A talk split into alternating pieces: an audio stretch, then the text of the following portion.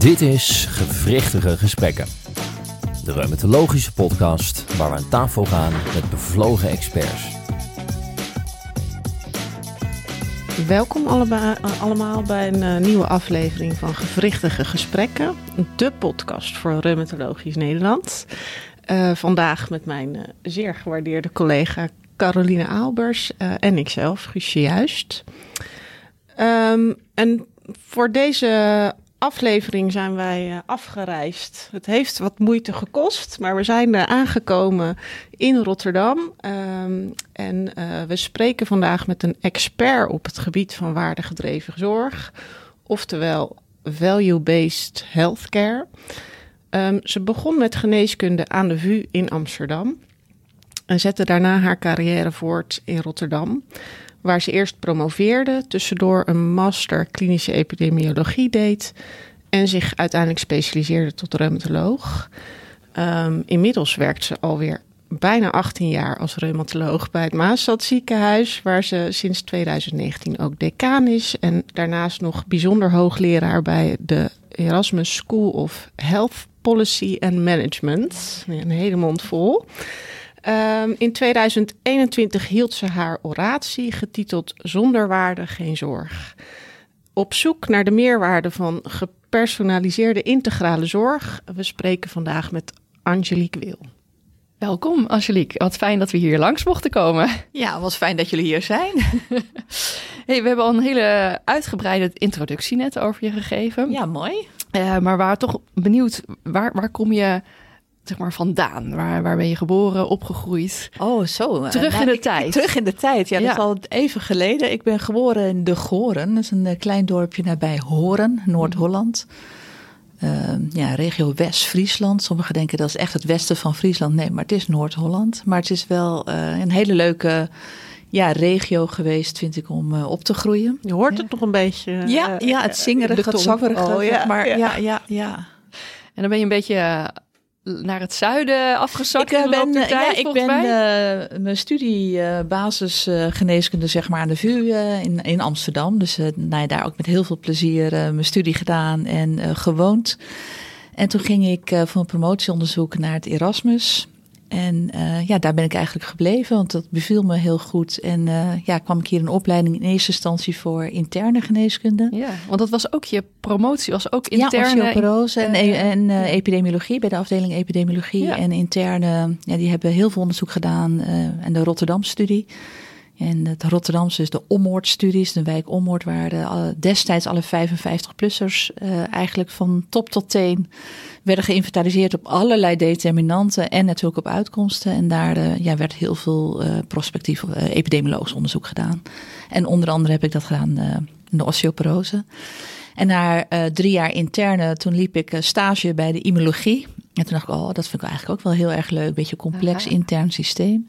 Maar reumatologie was er helemaal nog op dat moment niet in het uh, Erasmus. Klinische, uh, klinische immunologie bestond überhaupt nog niet. En toen aan het eind van het derde jaar, toen zei een van de internisten, joh, er komt hier reumatologie, dus misschien moet je eens gaan, uh, gaan praten. Nou, toen ben ik met Mieke Hazes uh, in gesprek gegaan en toen ja. ben ik uh, de switch echt gaan maken. Dus ik heb de interne niet afgemaakt, maar na drie jaar geswitcht naar de reumatologie. Kijk. En echt met veel plezier. Dus ik heb mijn ja, opleiding in het Erasmus gedaan. als een van de eerste AJOS samen met Edgar Collin, dus de eerste twee. En ja, ook perifere stages als eerste hier in het Franciscus. Was natuurlijk ook toen nog eigenlijk helemaal geen... het was wel reumatologie, maar zeker geen opleiding. Ah. Dus ja, dat was leuk. was een leuke, leuke fase. Ja, en inmiddels dus, wat zei je, 18 jaar alweer hier? Ja, ja. 18 jaar. Ja, ja, ja, ja, oh help. hey, en we, als we zo nee, ja, vertellen wat je allemaal doet, dan, dan zijn het heel veel verschillende dingen. We vroegen ons Ja. af, hoe ziet jouw werkweek eruit? Oh ja, ik heb eh, twee dagen in de week doe ik nu nog klinisch werk, eh, Ja. poli voornamelijk. En eh, nou ja, wat hebben we hier? Supervisie, spoed, eh, nou ja, dat soort dingen. Eh, twee dagen in de week eh, doe ik echt wetenschap, eh, waar ik gedetacheerd ben bij de Erasmus MC en de, subfaculteit Erasmus School of Health Policy and Management. En dan val ik weer onder de sectie HTA, waar vaak kosteneffectiviteitsanalyses worden gedaan. HTA, Health Technology Assessment. Oh. En één dag in de week ben ik dus inderdaad decaan en voorzitter van de stuurgroep Waardigdreefzorg hier in het ziekenhuis. Dus ja, een hele mooie combinatie. Ja. Heb je nog tijd over voor andere dingen daarnaast? Hobby's? Ik heb tennis en ik heb een onwijs leuk gezin waar ik uh, heel graag uh, mijn tijd mee doorbreng. Maar mijn kinderen zijn inmiddels uit huis wonend. Dus in die zin uh, nou, heb ik iets meer tijd gekregen om weer te sporten. En verder ehm, ja, ben ik wel redelijk creatief, maar ik merk wel dat dat wat allemaal op een lager pitje staat inmiddels. Ja. ja. Naast al deze leuke ja. dingen. Ja. ja. Ja, we willen het vandaag uh, natuurlijk graag met je hebben over waardegedreven zorg. Ik ga een bekentenis doen, want uh, ik, uh, ik value-based healthcare. Ja.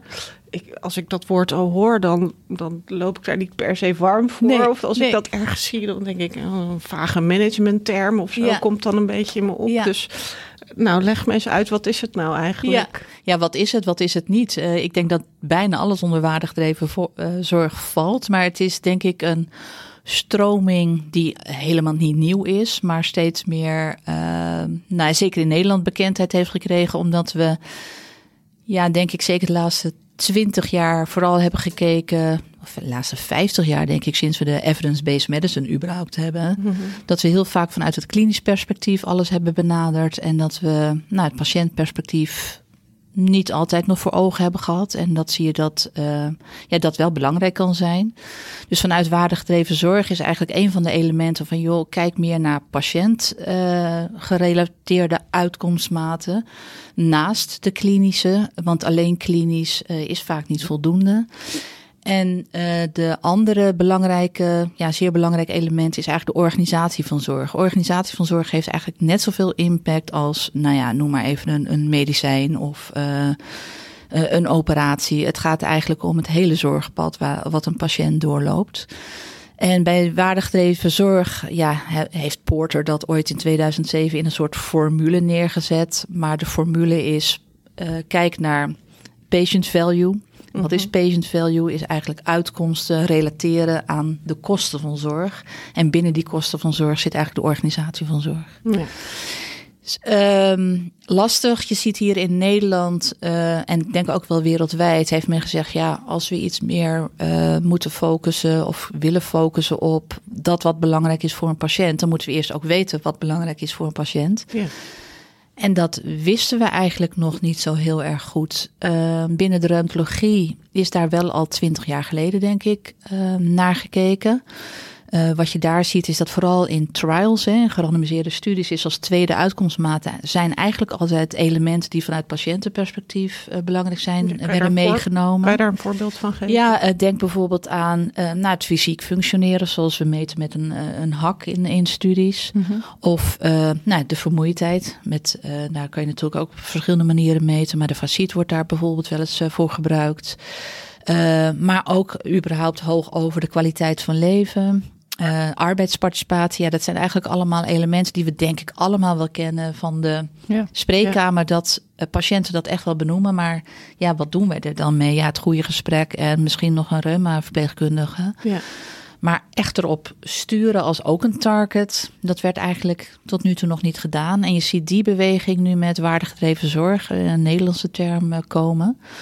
Je ziet in Nederland daar ook um, twee jaar of drie jaar geleden is daar een nationaal programma gekomen van alle stakeholders uh, in de zorg, zoals de Federatie uh, van Medisch Specialisten. Patiëntenfederatie, NVZ, um, Zorgverzekeraars Nederland, die hebben met z'n allen gezegd: ja, we moeten meer focus hebben op die uh, uitkomsten die ook vanuit patiëntperspectief belangrijk zijn. Dus toen is een heel programma uitkomstgerichte zorg uh, geïnitieerd. Mm -hmm. En toen is er eigenlijk voor ja, inmiddels denk ik iets van 26 indicaties.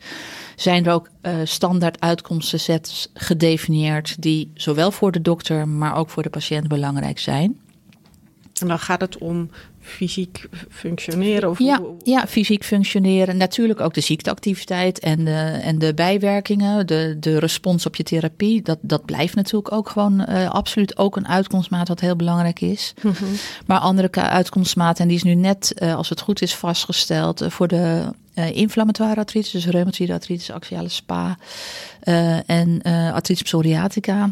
Uh, is de Nederlandse set uh, net vastgesteld. en daarin zitten dus ook alle ziekteactiviteitsmaten. Um, de respons op therapie, um, uh, fysiek functioneren, vermoeidheid. Um, ar, nou ja, participatie, maar onder andere de arbeidsparticipatie zit daarin. En kwaliteit van leven overal uh, zit daarin. Ja. En met het idee dat we daar dus ook ja, in de dagelijkse praktijk wat meer mee gaan doen. En, en wat moeten we daar dan mee doen? Want uh, je gaat ervan uit dat als je de ziekte goed behandelt, dat je al die dingen ja, verbetert. Dat, ja. Maar je zegt van dat weten we eigenlijk niet. Nou, of we dat... weten het wel. We weten natuurlijk, er zijn de laatste jaren best wel studies mm -hmm. uh, die laten zien dat als je ziekteactiviteit laag is, dat 50% van de patiënten eigenlijk nog helemaal niet vindt dat ze optimaal behandeld zijn. En dan is het wel de vraag, is dat dan reuma gerelateerd of uh, misschien wel door hele andere aandoeningen? Want die patiënten hebben natuurlijk meestal ook ja. comorbiditeit, nierfalen, longproblemen. Ja. ja, dat is sowieso iets waar we denk ik met elkaar veel meer naar zouden kunnen kijken. Ja. Ik denk dat die beweging van waardegedreven zorg ook in zich heeft. Um, want dat is ook een van de elementen. Eigenlijk heeft waardegedreven zorg een soort ja, stappenplan.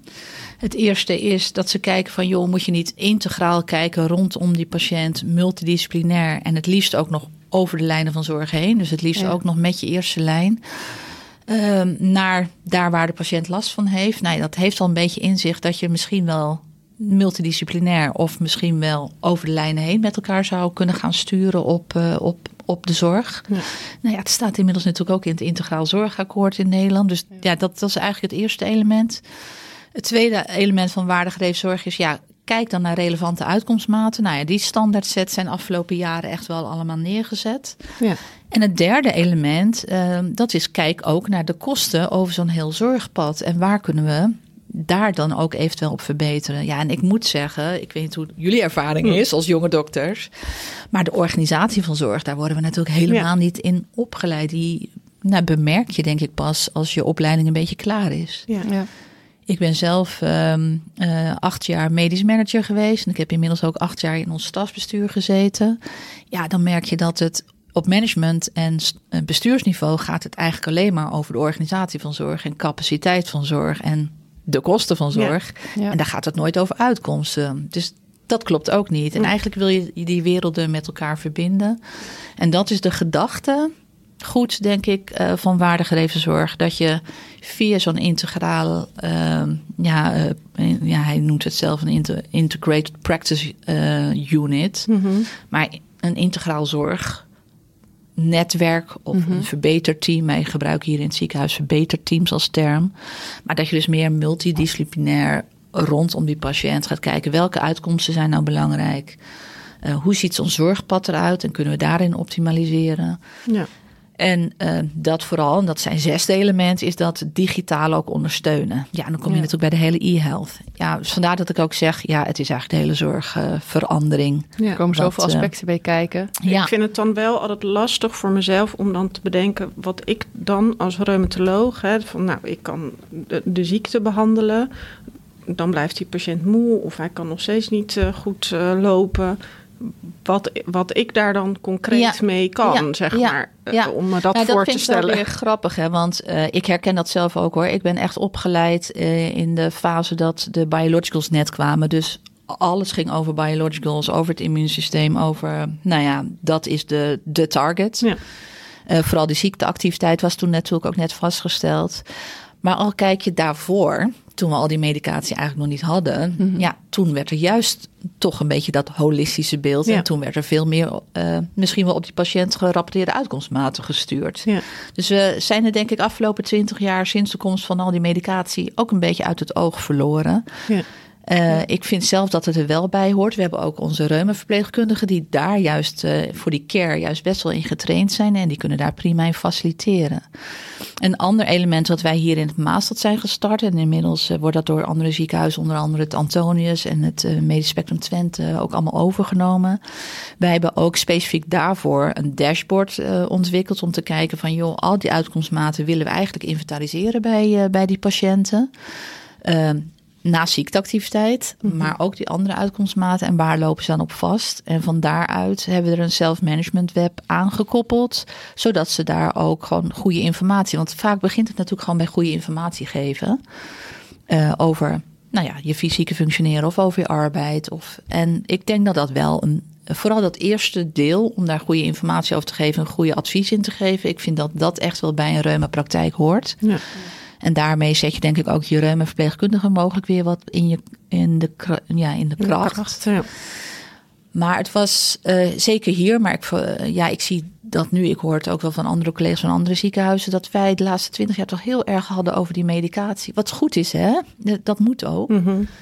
Maar er is meer dan alleen die ziekteactiviteit. En die ziekteactiviteit bepaalt niet alles van die patiënt. Nee. En die andere elementen, ja, daar hebben we ook onze reumaverpleegkundigen juist voor om die in te zetten. En bij ons werden die daar ook niet meer zo structureel voor ingezet. Het was heel vaak advies geven over de medicatie, want dan hadden wij weer meer tijd in die spreekkamer.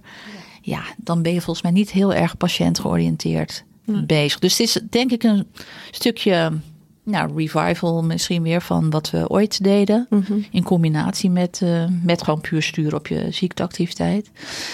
Het andere element vind ik echt wel eh, die organisatie van zorg. Daar zijn we ook allemaal echt helemaal nooit mee bezig.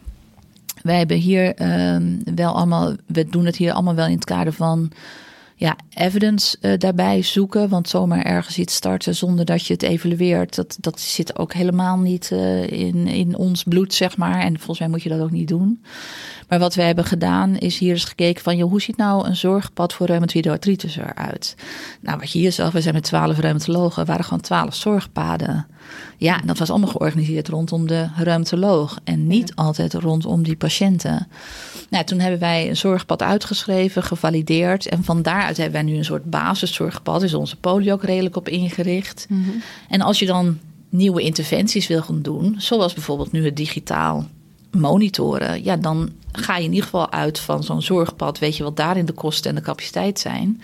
En ga je digitaal veranderen, ja, dan heb je ook een goede controle, zeg maar, daarop. Dus dan zou je ook gewoon goede kosten-effectiviteitsanalyses kunnen gaan doen eh, op dat soort zorgveranderingen. En dat dashboard dat daar nou aan hangt, is dat ook gekoppeld aan zeg maar, Ja, jullie dat zit bij EPD, ons eh, in, eh, in het HIX-systeem. Oh ja. Eh, het is wel een viewer, het zit nog niet echt in HIX, want dan zou je alle vragenlijsten erin moeten Ja. hebben. Wij gaan nu aan het eind van het jaar over naar 6.3 en ik begrijp dat daar wel al redelijk wat vragenlijsten, die promptvragenlijsten in zitten. Maar wij hebben dat tot nu toe, ehm, eh, zeg maar, nou, een, een eigen systeem gehad waar mensen de vragenlijsten invullen. Ja. En die krijgen we dan hier terug. En dan kan ik vooraf al zien van goh, waar lopen zij tegenaan. En dat is gecombineerd met de ziekteactiviteit. Eh, in dat dashboard zit ook medicatie. Daar zitten ook de goede vragen, weet je wel, van het samen beslissen van goh, waar wilt u het nu over hebben, waar loopt u tegenaan. Ja. En heb je dan ehm, in dat zorgpad, daar zit nou ja, dus wat je noemde standaard de ziekteactiviteitsscores in. Ja, Eh, maar daar worden dan ook dus al die andere aspecten van, van het functioneren, eh, ja vermoeidheid, vermoeidheidsscoren. arbeid, eh, ja, dat zit er allemaal in. En komen ja. die allemaal dan bij een consult bij de reumatoloog naar Ja. voren? Of is het ook een soort gecombineerd consult waarbij de reumaverpleegkundige een deel waarneemt? Nou, daar willen we naartoe. Want wat je nu nog ziet, is dat ze thuis de vragenlijsten invullen. En dan Mhm. komen ze hier op een dashboard. En dat dashboard wil je eigenlijk het liefst ook thuis hebben. Ja. Met het idee van, ja, stel dat het allemaal goed is. Alleen voor ziekteactiviteit hebben we natuurlijk eigenlijk nog geen, nou ja, Nee. goede maat. Er zijn er een aantal. maat. Nee, maar die zijn in de richtlijnen natuurlijk nog niet zo opgenomen van deze kan je gebruiken voor ziekteactiviteit. Maar ik denk dat je ze als screenend mogelijk zou kunnen gebruiken. Maar ja, maar in ieder geval, eh, als je dat dashboard thuis hebt en stel dat alles in het groen is en de patiënt vindt het ook verder allemaal prima. Ja, waarom zou je dan nog mijn poli moeten Ja. komen? Ja. Dat is natuurlijk een beetje de gedachte naar je toe, waar je naartoe zou willen werken. Ja, en dan zou je dat, als het goed is, ook weer terugzien in je kosten. Dat je die misschien wat reduceert en je capaciteit wat kunt sparen voor mensen die het wel nodig hebben. Ja. Dus dat is een beetje de gedachte. Wat binnen waardegedreven zorg eh, ook zit, eh, en dat vind ik ook wel een, een hele mooie, is dat Porter heeft eigenlijk ooit gezegd: joh, eh, stuur op uitkomsten en kosten en vergelijk die met andere zorginstellingen, zodat je van elkaar leert en verbetert. Ehm, nou, dat is in Nederland door een heel aantal ziekenhuizen is dat opgenomen. Nou, inmiddels natuurlijk ook voor DQRA, want daar vergelijken we natuurlijk de uitkomstmaten van ziekteactiviteit. Uh, maar binnen Santion, waar wij als Maastad ziekenhuis uh, bij horen, zijn zeven ja, samenwerkende ziekenhuizen. En die uh, vergelijken dus uitkomstmaten, dus niet alleen ziekteactiviteit, maar ook die uh, PROMS-uitkomstmaten, maar ook kostenindicatoren met elkaar. En daarop hebben we verbetertrajecten. En ja, dat is ook echt een element van waardig zorg dat je ja, eigenlijk benchmarkt en daarop samen uh, verbetert. Ja, dat was in het begin ook best wel spannend. Want ja, dat zijn we natuurlijk ook helemaal niet gewend. Nee. Het is bij ons ook natuurlijk dat je... Ja, wij hebben denk ik nu tien jaar een digitaal EPD. Uh, daar kan je data uithalen, maar hoe betrouwbaar zijn die data? Dus het eerste, het eerste jaar ben je echt eigenlijk alleen maar aan het kijken van... joh, ja, die betrouw, de data... Uh, meer betrouwbaar kwaliteit eh, toevoegen voordat je echt kunt gaan benchmarken. Maar als je dan gaan gaat benchmarken, ja, dan zie je natuurlijk altijd wel verschillen. En dan ga je met elkaar van, joh, zit het dan in processen? Nou, dan kom je weer op die organisatie van zorg. Ja. Of zit het in, nou ja, misschien andere medicatie uh, voorschrijven, hogere, lagere doseringen? Uh, zit het in uh, nou, tree to target, hoe vaak zien we mensen? Uh, ja, of zijn het hele andere elementen die een rol spelen? En daar leer je eigenlijk ook wel weer van en met elkaar. En dat is denk ik ook een mooie, ja, mooi element. Ja. En werkt dat inmiddels goed? Zeg maar, de ju wat ik soms lastig vind, dat je uh, als je gaat benchmarken, moet je wel de juiste set gegevens krijgen. En die is dan weer heel erg afhankelijk van hoe je registreert en ja. uh, of het systeem de goede dingen eruit pakt. Uh, is dat, lukt dat goed bij jullie? Ja, nee, dat, dat is dus ook een leerproces. Want ja. ik denk, wij zijn in 2018 daarmee begonnen. Toen hebben we voor het eerst onze ziekteactiviteitsmaten eruit gehaald. Nou, wij schrokken daar echt wel van. Want weten jullie zelf wat jullie ziekteactiviteitsmaten zijn voor je eigen patiëntenpopulatie? Nee, nou, is toch eigenlijk bizar dat je dat niet weet. Ja. ja. nou, zo zaten wij dus ook. En ja, is toch in deze digitale wereld dat ik eigenlijk niet weet van mijn eigen patiëntenpopulatie. Oh, doe ik het überhaupt wel goed? I don't know. Ik weet van de individuele patiënt, denk ik wel, want die zit dan voor me en dan kijk ik in de loop van de tijd en dan heb je wel een gevoel. Maar op groepsniveau, ah, ik wees het echt niet. Dus wij dachten ook, natuurlijk, dan gaan we met de ziekenhuizen gaan we die uh, ziekteactiviteitsmaten benchmarken. We zijn eerst maar met reumatoïde artritis begonnen. En dan, uh, schrik niet, hadden we echt serieus maar van 50% van onze patiënten één keer per jaar een ziekteactiviteitsmaat. Ja. Je, nou, dit kan niet waar zijn. Dat is natuurlijk de data. Het klopt gewoon helemaal niet. Ja. Nou, dan ga je terug en dan blijkt dus ook inderdaad... de ene reumatoloog zit het echt wel in nou ja, de metingenvakje. Mm -hmm. ja. En de andere zet het gewoon ergens los of doet het helemaal niet, kan natuurlijk ook. Nou, toen zijn we daar echt met elkaar ook gaan kijken van, joh, hoe zit Nou, toen hebben we met elkaar afgesproken, ja, we willen het gewoon allemaal daar hebben. Nou, dat kost gewoon even wat. Maar uiteindelijk mm zaten we gewoon echt op, uh, ja, ik geloof 86 procent in 2019. En dan één keer per jaar in ieder geval een DAS 28. Dat je tenminste één keer per, ja, maar dat vergt dus gewoon, ja, dat is dat verbeterteam die ons enthousiasmeert en ons die data elke keer teruggeeft. Ja. En daarmee hoop je natuurlijk uiteindelijk ook te zeggen: oké, daarmee ga je die dassen misschien ook wel optimaliseren. En kijk je vooral ook van ja, welke groep moeten we het zeker wel doen en welke uh, niet, zeg maar. het is echt bijzonder hoor, dat je als je data zeg maar terugkrijgt. Ja. Nou, hetzelfde was voor dure medicatie. Nou, bij Decura is dat nu allemaal ook natuurlijk wel geborgd, maar dat was toen ook allemaal nog niet zo. Ja, dan zie je ook dat er um, nou ja, verschillen zitten tussen de ziekenhuizen. Wij uh, hebben dat volgens mij in 2020, was volgens mij net voor de corona, hebben we het nog bij Santion, uh, hebben we daar expliciet naar gekeken. Want toen zagen we dat we eigenlijk na zes maanden allemaal wel een lage ziekteactiviteit hadden op groepsniveau. Uh, maar dat wij als Maastadziekenhuis 10% meer dure geneesmiddelen uh, voorschreven dan de andere uh, nou ja, er zat uh, verschil tussen de ziekenhuis van 10%, de ander zat er geloof ik een beetje tussen. Met dezelfde uitkomsten. Met dezelfde ziekteactiviteitsmaat na zes maanden. Toen dacht ik van, hoe zit dat dan? Uh, ja, toen hebben we ook teruggekeken van ja, hoe doen wij dat dan anders?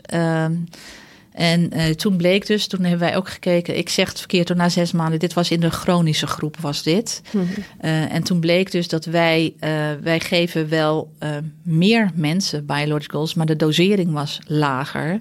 En ik denk ook dat dat weer komt dat wij um, wij hebben natuurlijk al studies meegedaan. Hier ook de T-REACH-studie, waarbij je half, half, half. Dus wij gingen veel meer afbouwen van die biologicals. Terwijl andere centra in één keer gingen stoppen. Ja. Oh ja. Maar daar zag je weer meer flares. Nou, dat kennen we natuurlijk ook wel van de, van de ja, ja. poëtstudie. Dus ja, dan, daar zie je dan toch wel die verschillen. Dat je in de dagelijkse praktijk toch anders uh, met elkaar omgaat. Ja. Pleit ik ook wel voor, want dat vind ik wel het mooie dat je in real world evidence uh, kijkt of real world data. Dat is anders dan in gerandomiseerde studies. Ja. Quick for.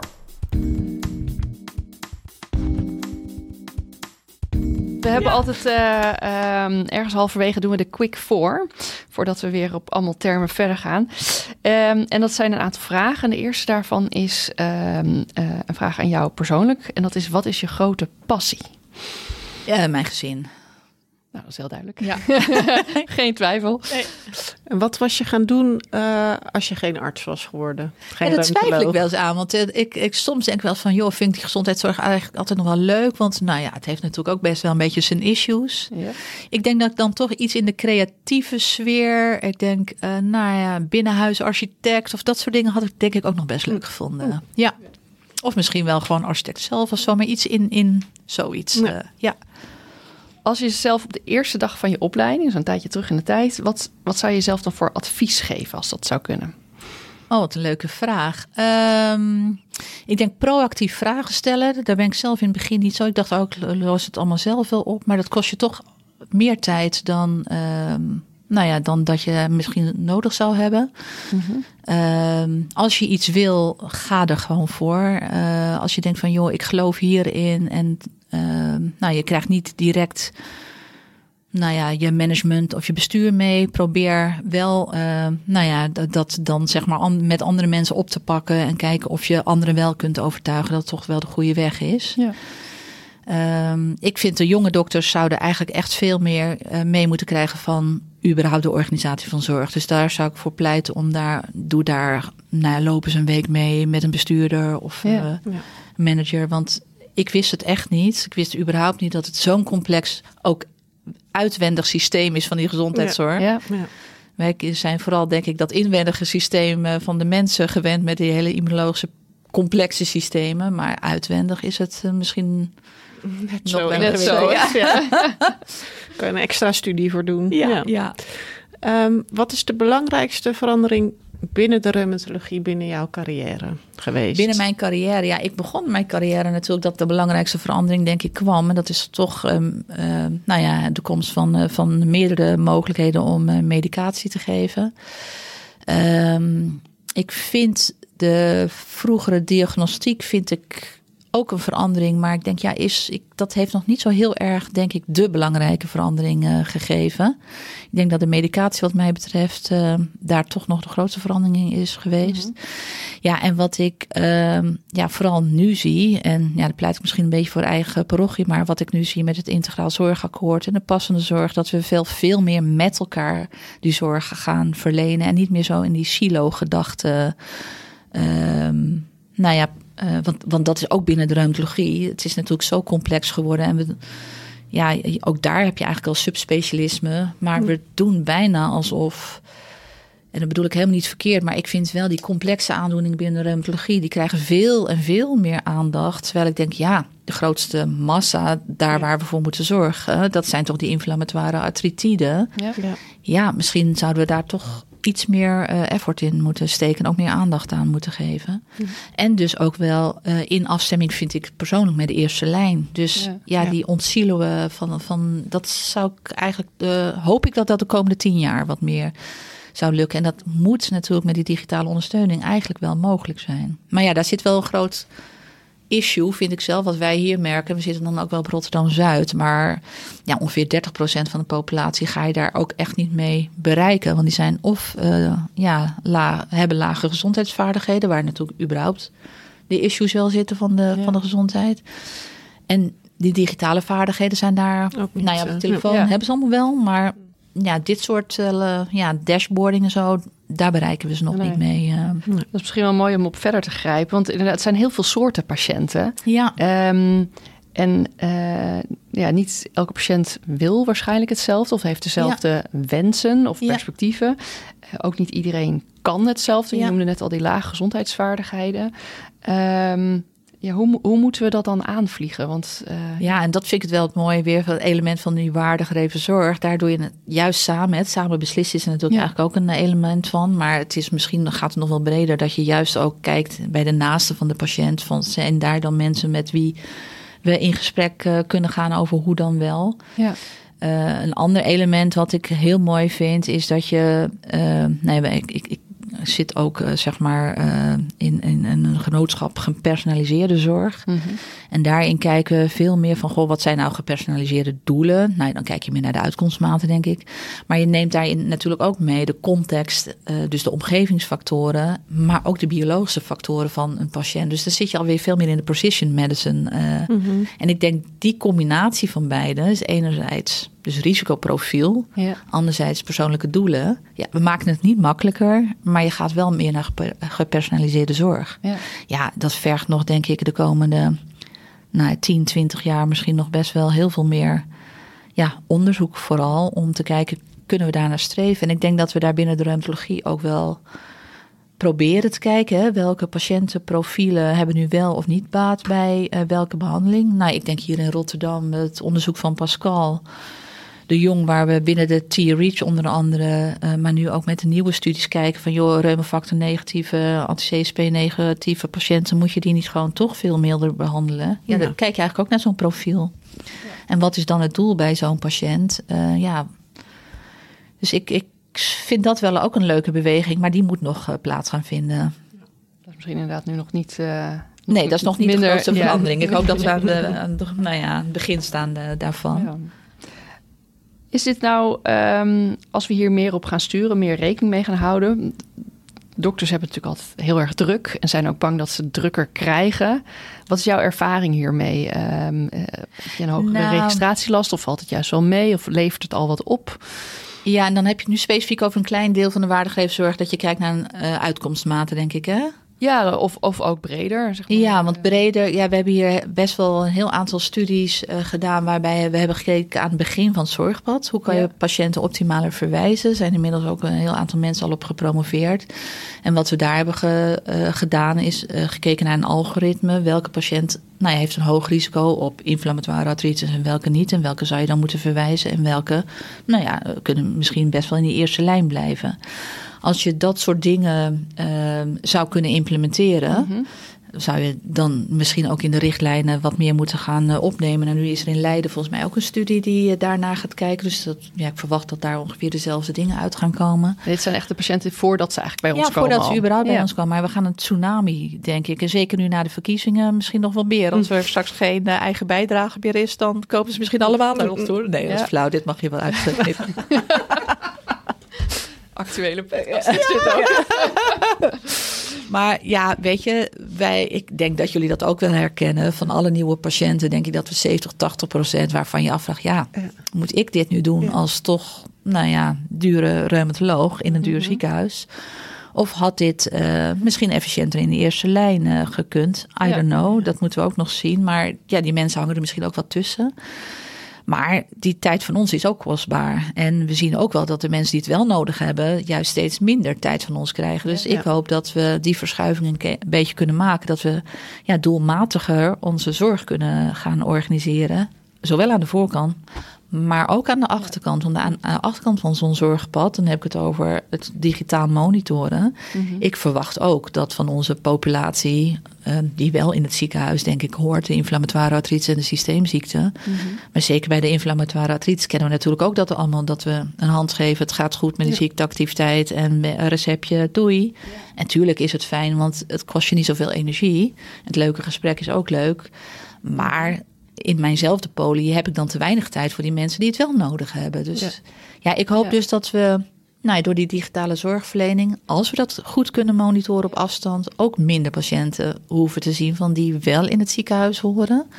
En dat je dus ja, daardoor meer tijd hebt om of nieuwe patiënten die ons echt moeten zien, of de patiënten die complexer zijn, dat we daar wat meer Ja. ja, tijd en aandacht aan kunnen besteden. Dat zou mijn ideale wereld zijn. Maar dan zijn. moeten we ook echt wel iets willen doen aan die organisatie Ja. van zorg. Ja. En zo denken we nog niet. We denken nog heel erg in dat interventiestukje als uh, denk ik. Nou, ja, ziekteactiviteit, reactie, Ja, klaar. Toch? En, Ja. en ja, En als we nu kijken naar, eh, het is natuurlijk een heel breed begrip en je op, op allerlei eh, gebieden kan je inzetten en dat kan iets opleveren of tijd kosten. Dus als we nu kijken naar de mensen met inflammatoire artritide die wij op onze poli zien en, en de uitkomsten die we dan monitoren voor hun, Ja. die ook dus meer relevant zijn voor patiënten. Ehm, kunnen we dat al op zo'n manier doen dat dat, dat dat er makkelijk bij gecombineerd wordt, zonder dat het een extra registratielast oplevert? Nou ja, voor ons is de registratielast zit bij de patiënt zelf. En Ja, die vindt het een last als je er niks mee doet. Dus eh, als je eh, het gaat doen, dan moet je ze ook echt wel bespreken in de, in de spreekkamer. En je moet ze ook echt eh, laten zien.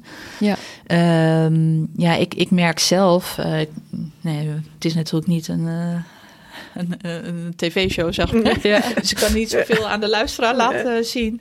Maar wat ik eh, zelf merk, ik, ik zet hem even open, ik zie het dashboard en daar staan ook de vier vragen al waar de patiënt het eventueel over zou willen hebben. Dus Ja.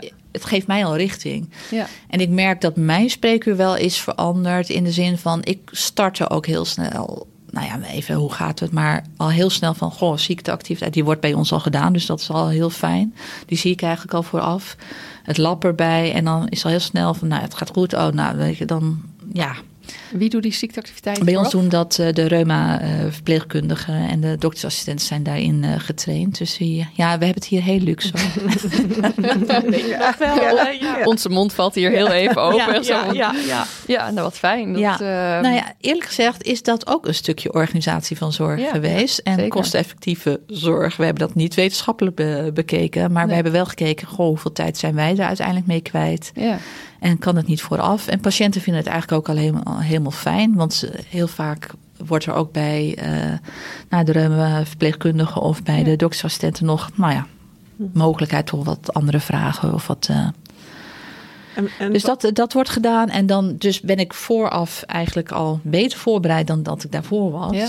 En stel dat ik nu zie van joh, iemand heeft iets uh, nou ja, uh, op, op zijn werk waar hij op vastloopt. Nou, dan ben ik daarop voorbereid. Kan ik in ieder geval uh, het gesprek op aangaan. Ik kan ze adviseren van joh, ja, we hebben ook hele mooie self-management web wat eraan gekoppeld is. Dus ik ja. geef ze altijd nou ja, dit kaartje mee waar ze met een QR-code. Moeten jullie anders zelf maar eens even naar kijken. Reuma tips en oefeningen, patiëntinformatie met een ja, QR-code samen, van het Maastad van het Reuma Web. Ja, en deze zijn samen met patiënten gemaakt. En het Reuma Web wat er aanhangt, dat is samen met het Erasmus MC gemaakt.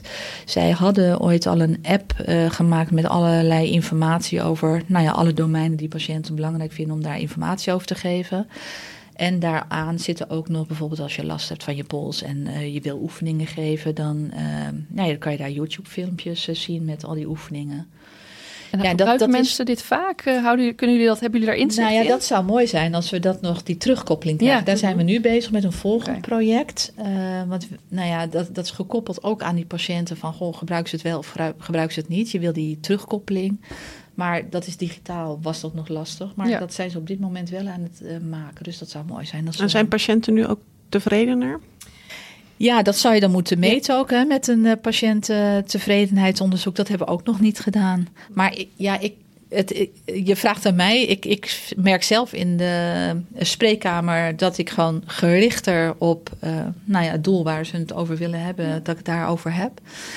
En ik merk ook wel dat ik denk van, nou ja, met die digitale zorg, denk nou ja, oké, okay, het gaat goed. Uh, mm -hmm. ik, ik, stuur ze ook makkelijker, denk ik van, ja, kom dan maar over veel langer uh, ja. terug. Ja. Ja. Zeker als die ziekteactiviteit ook al, uh, al goed is.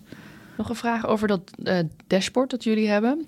Um, het, het, klinkt heel fijn, want je gaat inderdaad ja, gerichter... maar even buiten de scope anders even laten zien. Kunnen we het misschien een beetje beschrijven. Je gaat iets gerichter een consult in, op de patiënt gericht. Ja. Um, dat dashboard dat hangt voor, uh, bij jullie aan, aan Hicks vast. Maar, uh, um, maar zou dit ook toegankelijk zijn voor andere uh, reumatologen in het land? Of? Ja, want eh, nee, wat ik net zei, het is nu inmiddels ook al in het Antonius en in het Medisch Spectrum Twente geïmplementeerd. En Martini, ja, begreep ik van de week dat die dat ook graag willen. Ja, wat het, uh, het is niet zo moeilijk namelijk, want eigenlijk alle technische tools zijn al in de ziekenhuis. Mm -hmm. Want die dashboarding, die werden vaak al op managementniveau, uh, werden al dashboards gebouwd. Ja. Dus of je het nou voor managementinformatie of voor uitkomstinformatie moet bouwen, maakt eigenlijk helemaal ja. niet zoveel uit. Ja, dus dat in die zin is dat denk ik echt best. Uh... Kijk, zo, dit is dan de beginpagina. Nou wij klikken gewoon hier, prompt staat gewoon in. Dit is ons Hicks. Ja, het is eigenlijk gewoon een viewer wat over je Hicks is gezet, maar dat hebben wij niet door. Dus dan uh, klik ik daarop uh, op en ja, dan zie je hier al dat ze ook naar de Reuma Web, dat is dat self-management web, uh, kunnen ja. ze. Je kan ook koppelen naar Reuma Nederland. Nou ja, maakt allemaal niet zoveel uit. Maar waar wij dan kijken, dit is het dashboard zelf. En nou, hij heeft bijvoorbeeld 2211, een paar dagen geleden heeft hij dan ehm, ja, misschien heel even beschrijven wat ja, we even, even kunnen zien. Nou, ja, ziet hier het overzicht reumatologie is wat je dan ziet. En dan zijn er eigenlijk verschillende uh, vakken waarbij je kan kijken naar de ziekteactiviteit, bewegen, kwaliteit van leven, vermoeidheid en meedoen. En daar staan ook getallen achter. En die hebben nu allemaal een groene kleur. Dus wellicht is dat een goede uitkomst. Of is ja, die... ja, deze patiënt die uh, heeft goede. Maar op zich kan je die afkapwaarde denk ik nog niet zo heel erg goed gebruiken. Behalve de ziekteactiviteit. Ja. Um, je ziet ook de vorige waarden er meteen bij staan. Dus dat is al ja. prettig. De ziekteactiviteit was nu een anderhalf. Uh, ik ik gok dat dat dan een DAS 28 is. en die was de vorige keer 3,3. Dus dan heb je een goede interventie gedaan. Of het beloop is uh, gunstig geweest. Um, ja, en deze vragen uh, vullen ze dus al in voor ja. gewoon thuis. Uh, voor vragen vooraf aan het spreken. Ja. ja. dus hier zo deze man heeft gezegd van wat is uh, uw belangrijkste dat u wilt bespreken? Ja, eigenlijk allemaal bloedwaarden. Ja, hij maakt zich daar blijkbaar zorgen om. Nou, dat was in dit geval niet echt, maar ja, zo zijn er dus uh, ja, eigenlijk de belangrijkste vragen waar ze het over willen hebben, waar het uh, om gaat. Dus ja, dat, dat weet ik eigenlijk gelijk. Uh, vanuit patiëntenperspectief wilden ze ook graag dat zowel de medicatie als de bloeduitslagen op het dashboard te zien waren. Maar het mooie is dat je hier ook over de tijd zeg maar zou kunnen kijken. ja, dit is het overzicht. En wat je hier hebt, die icoontjes, die zijn dus weer gelinkt aan dat self-management ja. app, zeg maar. Uh, kwaliteit van leven, bewegen. Ja, het is de hakvragenlijst. Dus als je daarop klikt, zie je ook die vragen. Eh, je ziet hoe het eh, de vorige keer was. Dat is zeg maar dit donkere puntje. Mm je kan het ook vergelijken met patiënten zoals zij zelf. Dus uh, je vergelijkt dan de ja. uitkomstmaten met patiënten met reumatoïde artritis. En je zou dat eventueel nog kunnen categoriseren in man, vrouw, uh, wel of niet. Welke leeftijd. Nou, dat hebben we nu allemaal nog niet gedaan. Dus dan gewoon allemaal geaggregeerd. Klinkt wel als een enorme uh, bron van data. Ja, maar ja, ziekenhuizen hebben natuurlijk ook steeds meer data. Ja. Voorheen waren we natuurlijk ja, toch een beetje afhankelijk van die academische cohorten. Maar tegenwoordig als ziekenhuizen, en ik denk dat we dat ook wel nastreven, zeker met DQRA, ja. als je kwalitatief steeds betere data krijgt, waar je ook, die ook gevalideerd zijn, ja, dan kan je er gewoon heel veel mee. En dit is dus met Sampion samen. Mm -hmm. uh, het Albert Schweitzer doet hier uh, ook in samen. En wij uh, proberen die uitkomstmaten ook op groepsniveau dus eigenlijk breder te krijgen, zodat je dan misschien ook ja, daar middels ja. onderzoek kan kijken. Of dat, Daarmee kunnen we ook gelijk een heleboel zinloze zorg. Dat is het idee. Dat is wel het idee natuurlijk. Opzij ja. schuiven. Ja, ja. ja. In hoeverre um, is, is value-based healthcare nu een zeg maar, staat dat uh, in het vizier van de gemiddelde reumatoloog, denk je? Ik denk nog niet zo, want uh, bij de opleiding wordt het denk ik helemaal niet benoemd. Nee. Um, Value-based healthcare, ik denk wel dat uh, jullie wel veel meer aware zijn dat er ook vanuit patiëntenperspectief doelen kunnen zijn. En mm -hmm. dat je dat misschien kunt meenemen. Um, het staat nu voor het eerst ook in de richtlijn van de axiale SPA, hè, de ASAS-richtlijn. Daar staat ook dat je die in je spreekkamer zou moeten meenemen. Ja. In Nederland is die set nu voor, door de NVR ook vastgesteld, maar de implementatie, nou ja, volgt nog. Dus ik denk wel um, dat we uit vanuit uitkomstperspectief daar al wel meer aware van zijn. Ja. Maar die organisatie van zorg heb ik het idee dat we daar nog helemaal niks uh, mee doen, toch? Daar ligt nog, uh, daar ligt nog wel uh, verbetering. Ja, ja, tenminste, van, ik, ik miste dat zelf. En ik merk ook dat je wil je waarde toevoegen, dus uitkomsten en kosten, ja, ja, dan moeten we dus ook iets met die organisatie van zorg optimaliseren. En ook niet zomaar digitale zorg gaan doen zonder dat we weten of het wel kwaliteit en veiligheid biedt. Ja, toch? En wat dat, dat, dus daar zit ook nog heel veel onderzoeksvragen aan. Als jij de zorg van de toekomst mag weergeven, of uh, waar, zeg maar, uh, kan je dan aangeven waar je op hoopt? Hoe, hoe, hoe, doen we dit over tien jaar? Ja, ik hoop dat we nou die doelmatigheid van zinnig en onzinnig een beetje kunnen scheiden. Dat we daar waar we echt goed in zijn en getraind zijn, dat we daar onze meeste tijd aan kunnen gaan besteden. En dat de patiënt daarin dan ook het gevoel heeft, ja, uh, er wordt naar mij breder dan alleen maar de ziekteactiviteit, zeg maar, gekeken. Ja. Uh, en ik hoop zelf, maar dat zie ik nog wel als een heel complex geheel. Hoe gaan we dat dan doen met multimorbide aandoeningen? Met vele behandelaren, met vele behandelaren. meerdere lijnen. Ja, dus daar zit ook nog wel een uitdaging. Maar ja, dat lijkt me nog complexere uitdaging. Ja. Dit is al complex genoeg. Duivelse dilemma's. Over naar de duivelse dilemma's. Oh jee, oh jee. eh, Richting de afsluiting, ja. maar dan maken we het Goed, nog ja, altijd een beetje moeilijk. Ehm, kliniek, wetenschap of management? Je mag kiezen. Ik moet echt kiezen, want ik vind eigenlijk hoe ik het nu Ja, doe, dat is dat, is, dilemma. dat is mijn keus. Ja.